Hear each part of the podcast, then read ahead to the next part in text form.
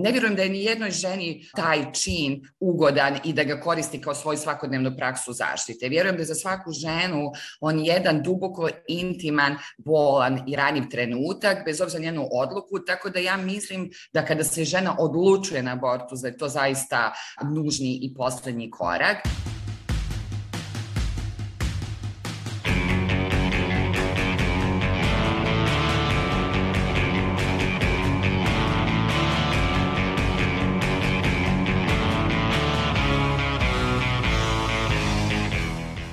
Zdravo, ja sam Iva Gajić, a sa mnom su danas Sanja Kosović, Irena Čučković, Sanja Đorđević i Aleksandra Pučko.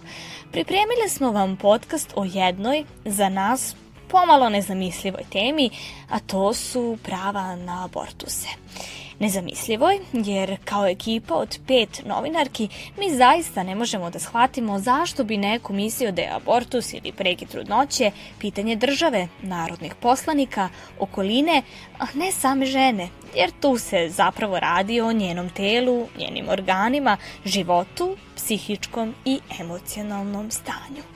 I kako to da živimo u svetu u kom neki smatraju da je žena manje vredna od muškarca i da zato muškarci imaju pravo da odlučuju o njenom telu i njenim izborima na kraju krajeva.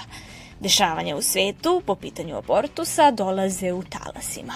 Španija 2013. godine, Poljska 2020. sada je Amerika i Hrvatska 2022. godine a čeka nas formiranje nove vlade u Srbiji u kojoj ima više desničarskih partija.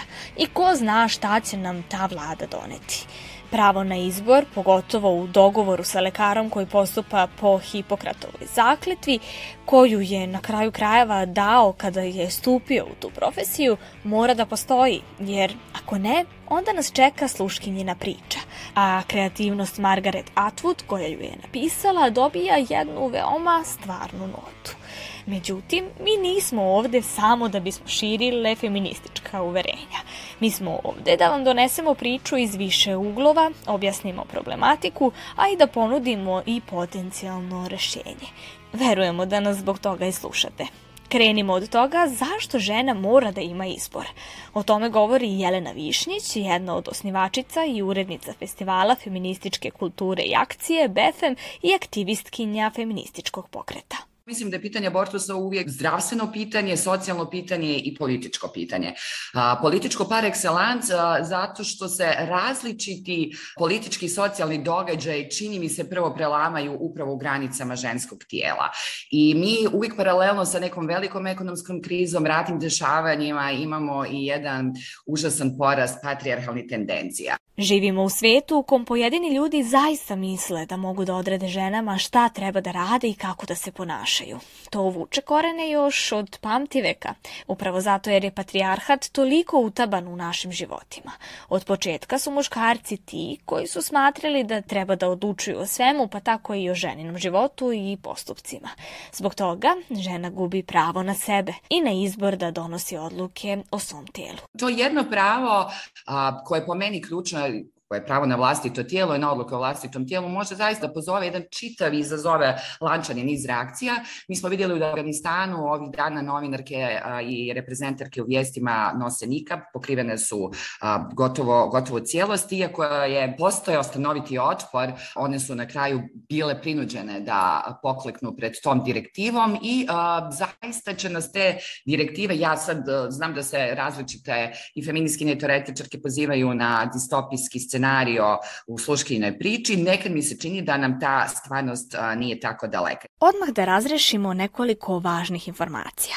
Trudnoća donosi velike promene u životu žene i ljudi oko nje, ali po najviše žene jer njeno telo mora da istrpi jako puno promena, da bi na svet dovelo jedno novo ljudsko biće. Zato smo pitale ginekoliškinju Brigitu Lepeš-Bingold koje su to sve promene koje donosi trudnoća.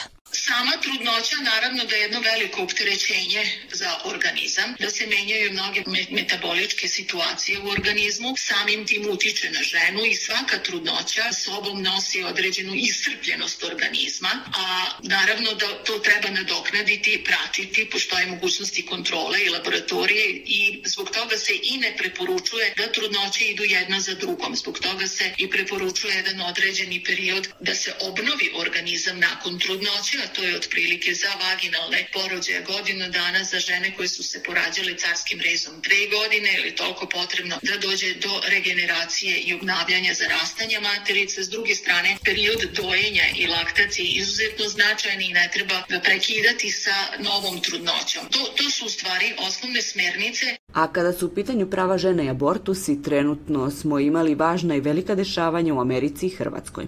Dešavanja u Americi po pitanju abortusa su aktualne od 2021. godine. Zapravo, u javnosti se strah od povlačenja prava žena na abortus provlači već određeno vreme. Amerika, demokratska zemlja, ali zapravo pravo žene na izbor je izgleda u svim državama na klimavim nogama. Uglavnom, e, šta se dešava u Americi po pitanju abortusa? Kakvu odluku Vrhovnog suda čekamo? Da bi nam cela situacija bila jasna, otišle smo do izvora. Razgovarale smo sa Jovanom Đurović, novinarkom Glasa Amerike. Idemo u 1973. godinu kada je doneta presuda Ro protiv Vejda.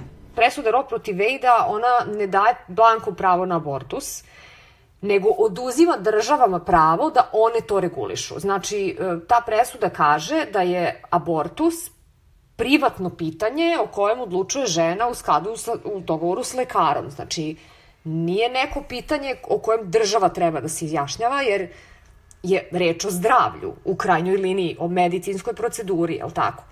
E, to je ro protiv što znači da je na federalnom nivou državama zabranjeno da same regulišu to pitanje. Odnosno, ženama je dato pravo na abortus i to nije e, kao što neki kažu pravo na abortus pa sad vade živo rođenu decu u devetom mesecu, nego postoje i tu restrikcije određene i naravno da se govori da žene to moraju da rade u konsultaciji s lekarom.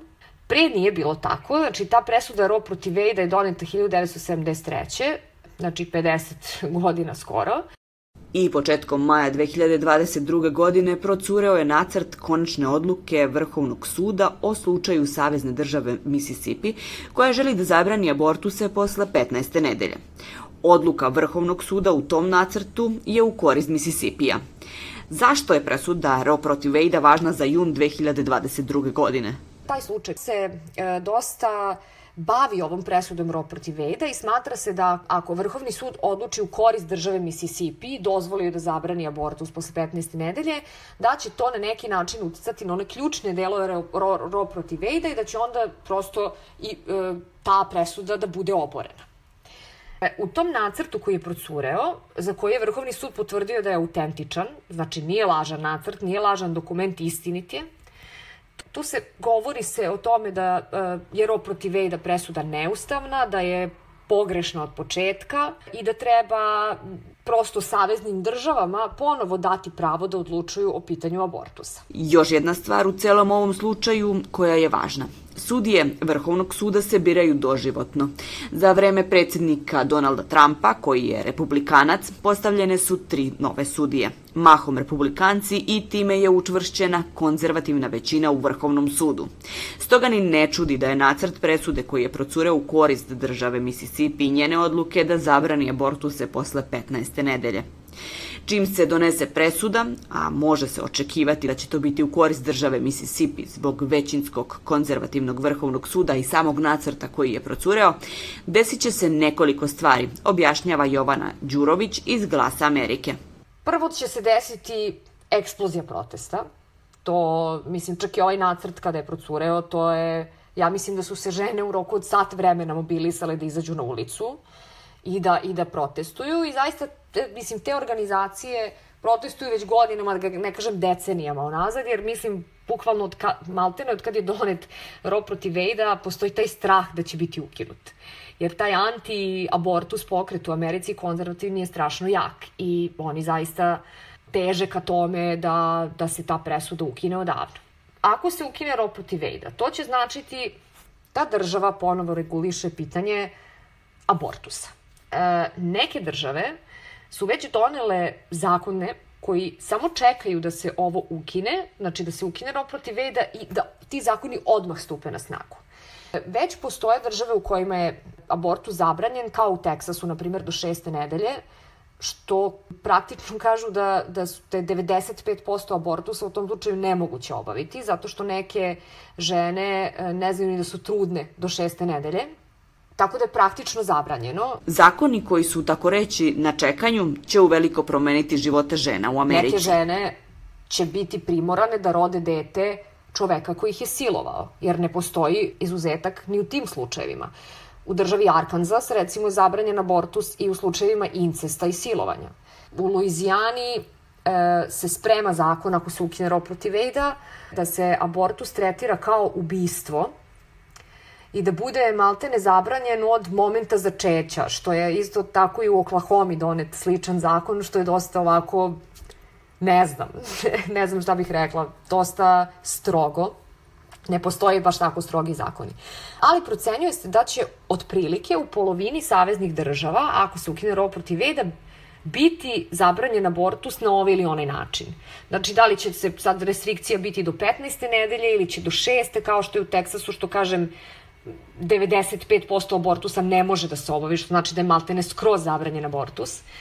U 26 saveznih država se procenjuje, ajde plus minus, u preostaloj polovini država će biti dozvoljen abortus. Znači, svaka država će moći da odredi, da kažem, šta želi, jel? Kakvu će politiku po tom pitanju voditi. Naravno da se pitamo zašto je tako. Nebitno da li pričamo o Španiji, Poljskoj, Americi ili Hrvatskoj. Izgleda se to pitaju i u Americi, jer volja naroda jeste da abortusi zapravo budu dozvoljeni. Uvek možemo da prebacimo na politički teren, pa kažemo idu izbori, pa neko biračko telo je tako i tako raspoloženo, ali ankete pokazuju da je većina Amerikanaca različite ankete, različiti su procenti, ali u svakom slučaju, u svakom anketi, više od 50% podržava pravo žene da prekine trudnoću. Znači, podržava pravo žene da prekine trudnoću i onda se pitate, pa dobro, zašto onda ovi političari ne rade onako kako ljudi smatraju da treba? Zašto rade protiv svog naroda? Maltene se tako postavlja pitanje, jer ako imate većinu ljudi koja to želi, e, zašto onda nemate narodne predstavnike koji koji delaju u skladu s tim željama, već rade potpuno suprotno. To zaista ne znam uh, i to je jedno od velikih pitanja koje postavljaju američki novinari. Zašto se ovo dešava? Svaka trudnoća donosi sa sobom niz promena u životu jedne žene. Ne samo žene, već čitave njene porodice i njenog okruženja. Koliko god da je ta trudnoća željena ili planirana, to je velika promena koja zahteva prilagođavanje. Tu su promene koje se dešavaju u telu, koje su najčešće hormonske prirode, zatim promene koje se dešavaju u nekom načinu organizacije života, posla, obaveza, aktivnosti. Objašnjava psihološkinja Mila Radovanović Vučić. Ta neka promenjiva osjećanja jesu normalna, da se ona s jedne strane dešavaju kao posledica tih nekih hormonskih promena u telu, ali sa druge strane i zbog tog nekog psihološkog aspekta, zato što se žena prosto prilagođava na sve ono što je novo u njenom životu i što donekle kažem koliko god da je ta trudnoća bila željena i planirana, ona je ipak neka promena i prosto onako drugačije u odnosu na ono što je neko ranije funkcionisanje njeno uključivalo. Neželjena trudnoća svakako doprinosi, odnosno dovodi do jednog čitavog spektra osjećanja različitih Uglavnom to je onako jedan dosta buran period u životu svake žene jel da koje se desi neka neželjena trudnoća sa bezbroj pitanja jel da šta sad, kojim putem krenuti, da li ostati zadržati, da li prekinuti trudnoću, tako da jeste onako jedan veoma izazovan period e, koji zahteva onako jednu dobru podršku ženi u tom trenutku i od njenog najbližeg okruženja, ali isto tako i od stručnjaka koji mogu nekako da je posavetuju, da joj predoče neke opcije, jel da šta je ono što je, što je moguće uraditi u tom trenutku. Trudnoća, bilo da je planirana ili ne, donosi veliki spektar osjećanja. Stres je i u jednom i u drugom slučaju neizostavan. A dešava se da trudnoća mora da se prekine, da li je to usled rizika po majku ili bolesti, nedovoljne razvijenosti ili prestanka otkucaja srca ploda. To mora da je jedan veoma bolan događaj, a to potvrđuje i psihološkinja Mila Radovanović.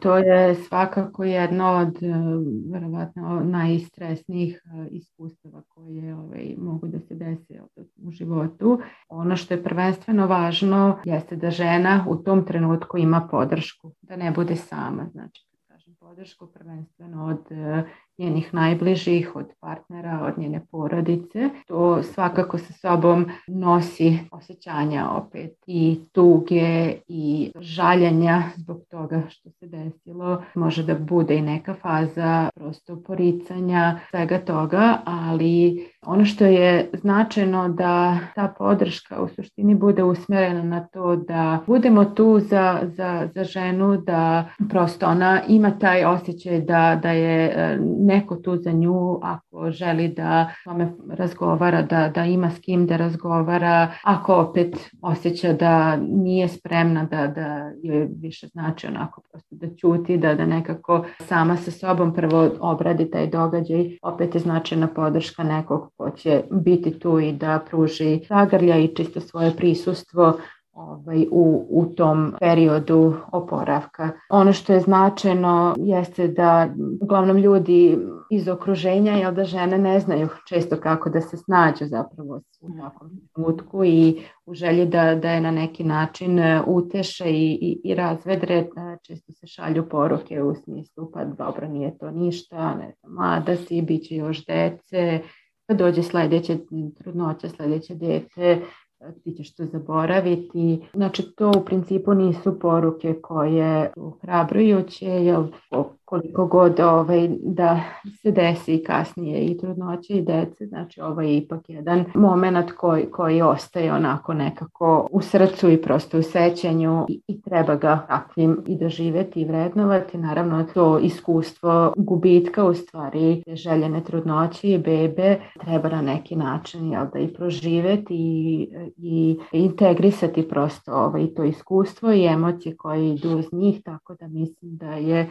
onako značajna poruka da prosto ljudi iz okruženja, žene budu tu kao podrška, da ponude svoje prisustvo, svoj zagrljaj, razgovor i da prosto prihvate da je sasvim u redu da postoje i ta osjećanja, znači i tuge i žalovanja i možda na neki način besa u nekom trenutku u smislu zašto je tako baš moralo da se desi i i ona zašto baš meni neka pitanja i preispitivanja sasvim kažem ok i um, jako je važno nekako pustiti to, izgovoriti, um, pustiti emocije i sva ta razmišljanja i preispitivanja da, da nekako budu otvorene i da budemo spremni o, o njima da razgovaramo.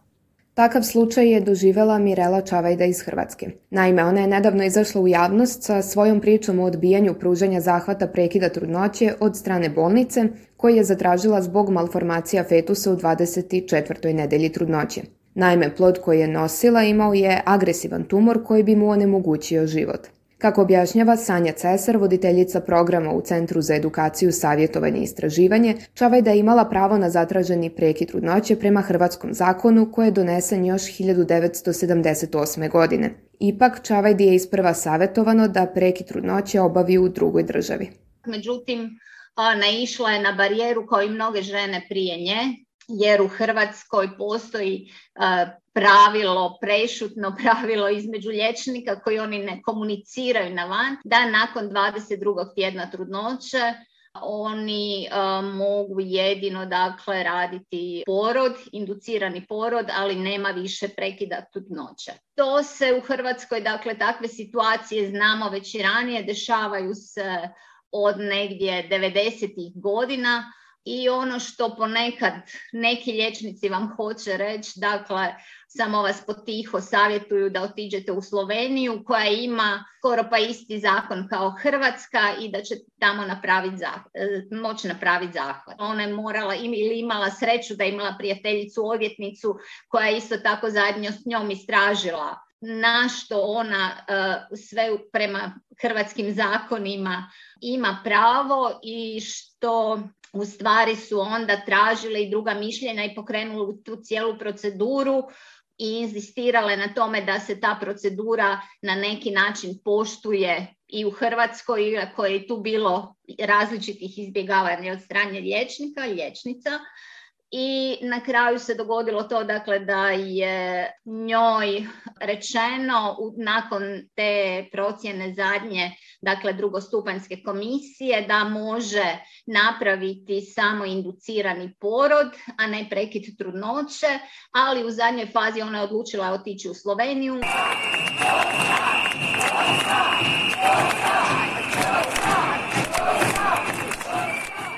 Upravo povodom slučaja sa kojim se susrela Mirela Čavajda u Hrvatskoj su nekoliko gradova organizovani protesti pod parolom Dosta. U slučaju Mirele Čavajda postojala je borba i oko toga da taj zahvat treba pokriti i Hrvatski zavod za zdravstveno osiguranje, s obzirom da ga lekari u Hrvatskoj neće napraviti iako ona na njega ima pravo. Pod pritiskom javnosti ona se za to i izborila. To je važno i za druge žene, smatra Cesar, jer sada znaju da ne moraju ići u Ljubljanu u ovakvim situacijama gde će same platiti zahvat 5000 evra ta njena priča i podrška i ljutnja javnosti žena, ali isto tako i, i muškaraca je negdje urodila time i naravno podrška od strane različitih organizacija koje se bave ženskim pravima time da smo se mi negdje udružili zajedno u inicijativu dosta da bi joj pružili tu podršku u tim njenim zahtjevima, ali isto tako da bi ukazali javnosti da su to sustavni problemi zdravstvenog sustava u Hrvatskoj i da tu nema političke volje da se e, išta promijeni. Dakle, zakon postoji, e, iako ga je već vlada trebala promijeniti na zahtjev Ustavnog suda, oni to ne čine jer nemaju konsenzus između sebe, ali i taj zakon koji jest omogućuje dakle ženama prekidne trudnoće, isto tako na traženje da se taj sustav u kojem se žene kontinuirano stigmatiziraju, u kojem se ušutkava, u kojem mi se tretira kao osobe koje nemaju vlastite svijesti niti vlastitog mišljenja od strane liječnika i liječnica, dakle njihovih ginekologa, da se taj sustav promijeni, ali isto tako da se promijeni i taj kontekst u kojem dakle sve institucije toleriraju i dakle ne samo da toleriraju nego su u sprezi sa strukom da se ženama dakle u što manjoj mjeri osiguravaju njihovom zakonom garantirana prava. Ginekološkinja Brigita Lepeš-Bingold kaže da ne voli statistiku kada je u pitanju abortus. Ipak, ona kaže da većina žena koje ovu intervenciju obavi u sterilnim i adekvatnim uslovima prolazi bez ikakvih posljedica. Sa druge strane, postoji onaj mali procenat žena koji ima probleme različite prirode, od lakših komplikacija bez dugoročnih posledica, pa sve do toga da ne mogu ponovo zatrudneti. Ali svakako, lekari su tu da urade te intervencije i ne bi trebalo da odbijaju da ih rade. Ja mislim da kao lekar da to uopšte nije prihvatljivo da jedan lekar odbija da uradi intervenciju koja je neophodna za, za rešavanje problema kod žene. Mi smo se odlučili za ovu profesiju i ja lično mislim da ako smo se odlučili za ovu profesiju onda moramo da radimo sve ono što to povlači za sobom. E, iako se nama lično to ne dopada, iako nije moj lični izbor da nekom sa 18 godina radim kiretažu, ali treba da bude dostupno ako za to postoje zaista indikacije. Treba da se uradi na onom mestu gde postoje uslovi da to prođe u što manjem smislu sa komplikacijama i mislim da treba da da bude dostupno, jer to je metoda koja nam omogućava da zaista e, spasimo nekad i živote e, žena. Jer ne možete držati plod koji nije u redu ili koji je ugino i koji dugo stoji, on dovodi do poremećaja u koagulacijnom statusu, on može da e, i životno ugrozi ženu. Znači, dobro urađena kiretaža uz prethodne analize, uz kontrolu, sterilne uslove, naravno da, da je dobra stvar. Ne, ne spominjem naravno kriminalne pobačaje koji, koji se rade u nesterilnim uslovima, uz neadekvatne lekare, to je nešto drugo. Ali uraditi kiretažu onda kada je to neophodno, kad postoji indikacija za to, mislim da je nedo, nedopustivo da jedan ginekolog to ne uradi. Kako kaže Sanja Cesar, voditeljica programa u Centru za edukaciju, savjetovanje i istraživanje, jedan od razloga zbog kojih različite konzervativne političke stranke ne idu na promene zakona kojim bi zabranili pobačaj, jeste jer su svesni da hrvatska javnost podržava pravo žene da odlučuje kako će, kada će i hoće li imati dece. Zapravo slično je kao i u Americi. Građani i građanke podržavaju pravo žene da odlučuju o svom telu. Istraživanja evo, koje mi citiramo od prije nekih, um, mislim da je godinu i pol, koje je pokazalo dakle da 81% građana i građanki ove zemlje podržava pravo žene na odluku o, o rađanju, da žena ima pravo na izbor prekinuti trudnoću, dok imamo jedan vrlo mali postotak koji se u većini istraživanja kreće tu negdje oko desetak posto i to je ta vrlo glasna manjina koja iza sebe naravno ima i katoličku crkvu, koja iza sebe ima i konzervativne političare koji se žele dodvoriti katoličkoj crkvi i koja sustavno, dakle, već dugi niz godina radi na ograničavanju pristupa pobačaju. To se, dakle, u Hrvatskoj, mislim, osim što postoji ta velika podrška javnosti, kontinuirano znamo da se događaju situacije gdje naravno politika je ta koja određuje koji će to ginekolozi, ginekologinje biti šefovi klinika i onda se radi na tome dakle, da se zapošljavaju samo oni koji neće raditi pobačaje. Dakle, to pitanje priziva savjesti u reproduktivnoj medicini koji mi nazivamo uskraćivanje zdravstvene skrbi ženama koje traže prekid trudnoće, jer to nije priziv savjesti kako je on definiran i prepoznat u međunarodnim instrumentima, dakle priziv savjesti u vojsci, da zapošljavaju dakle samo one koji će odbijati raditi pobačaje i mi u Hrvatskoj dakle imamo oko 60% liječnika i liječnica koji ne žele raditi pobačaje. Jelena Višnjić iz BFM-a kaže da je veoma važno da znamo i da živimo u državama gde nikakva vrsta socijalne brige ne postoji prema ženama. On objašnjava da rast desnih grupa i desnih političkih partija u parlamentima ne samo širom Evrope, već i globalno, daje crveno svetlo kada je u pitanju pravo žene na izbor. Prisjeća se da je gledala jedan intervju na crnogorskoj televiziji gde je jedan pravoslavni sveštenik govorio o tome da to zapravo nije isključivo ženi ženina odluka, niti da je žena vlasnica svog tela. Višnjić podlači da su to sve narativi koji su za nas u ovom trenutku veoma problematični. Ja mislim kao i, i, sa pitanjem instrumentalizacije a, koncepta nasilja koje sad takođe imamo kao jednu zamjenu teza, a, ne vjerujem da je ni jednoj ženi taj čin ugodan i da ga koristi kao svoju svakodnevnu praksu zaštite. Vjerujem da za svaku ženu on jedan duboko intiman, bolan i ranjiv trenutak, bez obzira njenu odluku, tako da ja mislim da kada se žena odlučuje na abortus, da je to zaista nužni i poslednji korak. A s druge strane, svi oni koji sad postavljaju to pitanje bi zaista trebali za početak da misle koje je radno vrijeme žene, kad se ona vraća s posla, kolika je dostupnost vrtića, kolika je dostupnost socijalne brige, tako da mislim da su to pitanja koje trebamo da usmjerimo svoje političke uticaje i snage, a ne na pitanje da li to žena radi iz nekog zadovoljstva i da li to postaje kontraceptivno sredstvo. Obezbijedite besplatnu kontracepciju, obezbijedite obrazovanje u osnovnim školama pa se neće dolaziti do, do tih situacija. Jelena Višnjić je podsjetila da su već dve žene preminule usled nemogućnosti izvršenja abortusa.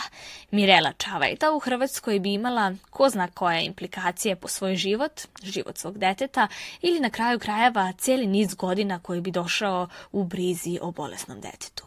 Međutim, podsjeća da je važno i da se ne pravi razlika u prekidu trudnoće kada je plod ugrožen i kada to nije slučaj. Ja mislim da abortus prije svega treba da bude mogućnost da se u trenutku kada je to neugrožavajuće po žensko zdravlje sprovede, bilo kakva zakonska intervencija u tom polju po meni ne bi trebala da postoji i s te strane i zaista ne znamo da li će novi Trump ili novi politički ludaci reći da je život ploda važniji od života žene, ko je tu zapravo u mogućnosti da odlučuje. Ja mislim prije svega žena u dogovoru sa svojim ginekologom koji se bavi medicinskom etikom, a ne prizivima savjesti. Jelena Višnjić u razgovoru sa Ivom skreće pažnju na podatke u Batutu. Uglavnom ne abortiraju mlade žene, već abortiraju žene koje su u braku i koje već imaju po dvoje, troje dece.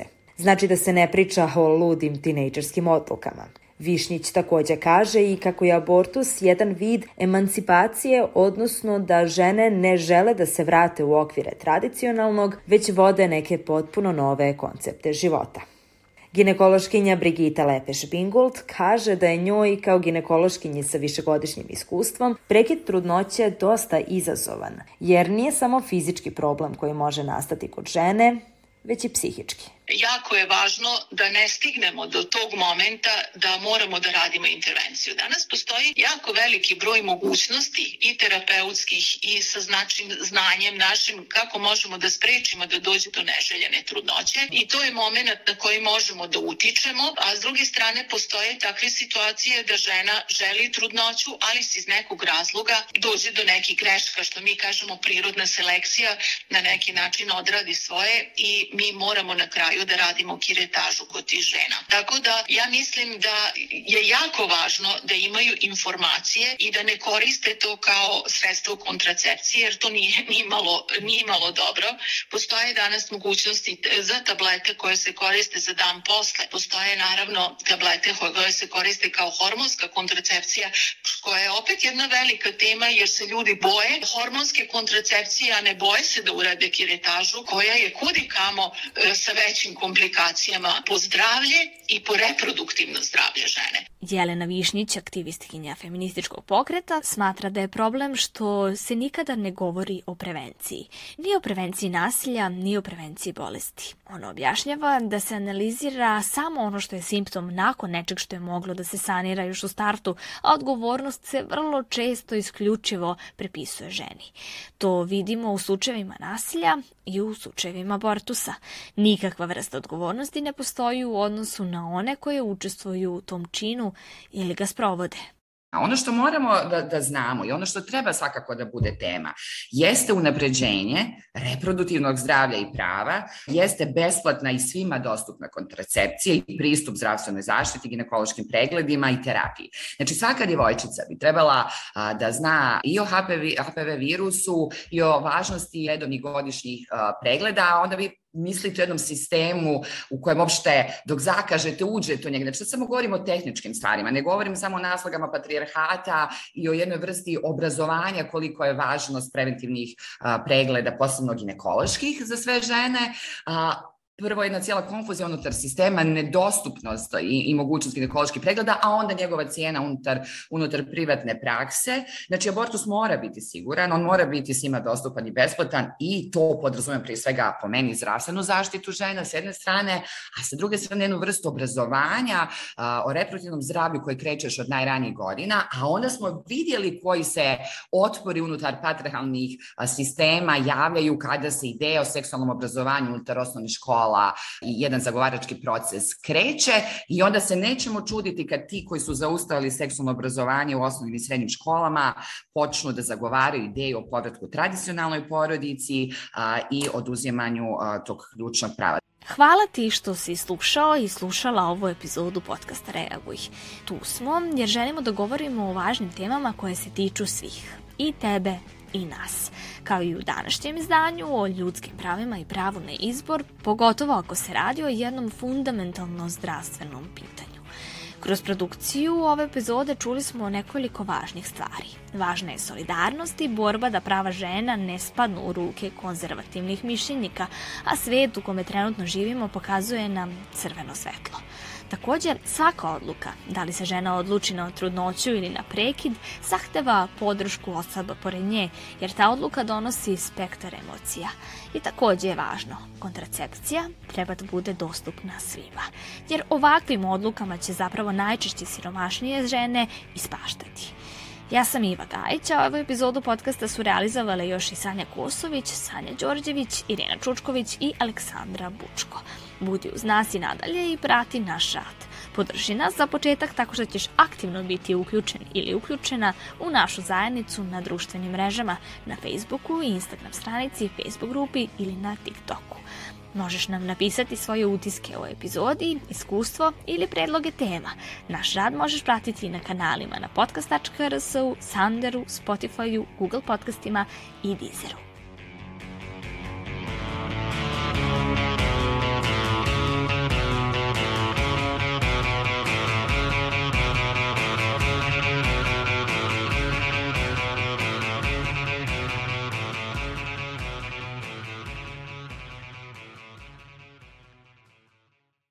Ovaj podcast je nastao uz finansijsku podršku Evropske unije. Sadržaj ove epizode isključiva je odgovornost podcasta Reaguj i ne odražava nužno stavove Evropske unije kao ni mreže za izveštavanje o različitosti 2.0.